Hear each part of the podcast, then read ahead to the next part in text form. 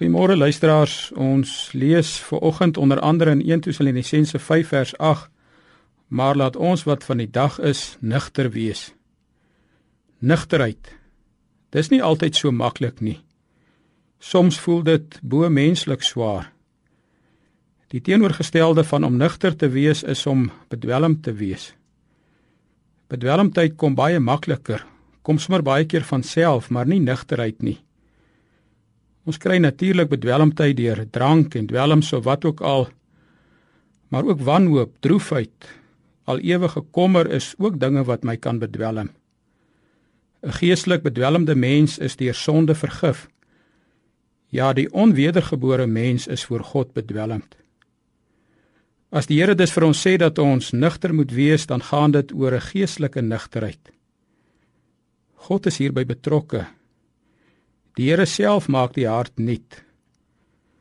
Geloofsnugterheid kom uit 'n wedergebore hart wat nuut en ver wil sien. God se woord laat die nugtere geloofshelde voor ons kom. Noag, toe die wêreld voor die groot watervloed in hulle bedwelmdheid wegsink, toe was Noag die nugtere prediker van geregtigheid. Ja, geregtigheid maak nugter.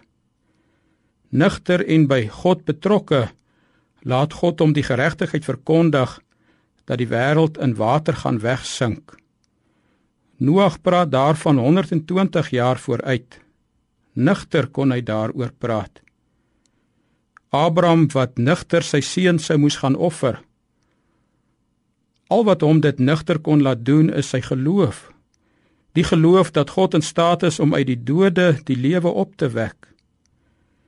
Geloof in die opstanding maak nugter. Niks anders sou die gelowige Abraham, die nugtere Abraham, die vriend van God, die vader van die gelowiges, daardie verskriklike oomblikke nugter kon hou as net die geloof dat God kan lewend maak. Wie vandag nugter ingaan, laat ons dit doen met die besef van God se geregtigheid, God se lewe.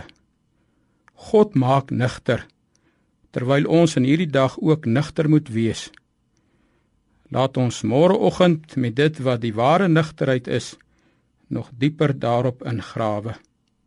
Onse Vader wat in die hemel is, ons dankie dat U so nugter met ons praat en dit vanuit U woord. Ons bid o Here, maak ons dan ook hierdie dag nugter deur U geregtigheid, nugter deur die geloof. Ons vra dit in Jesus se naam alleen. Amen.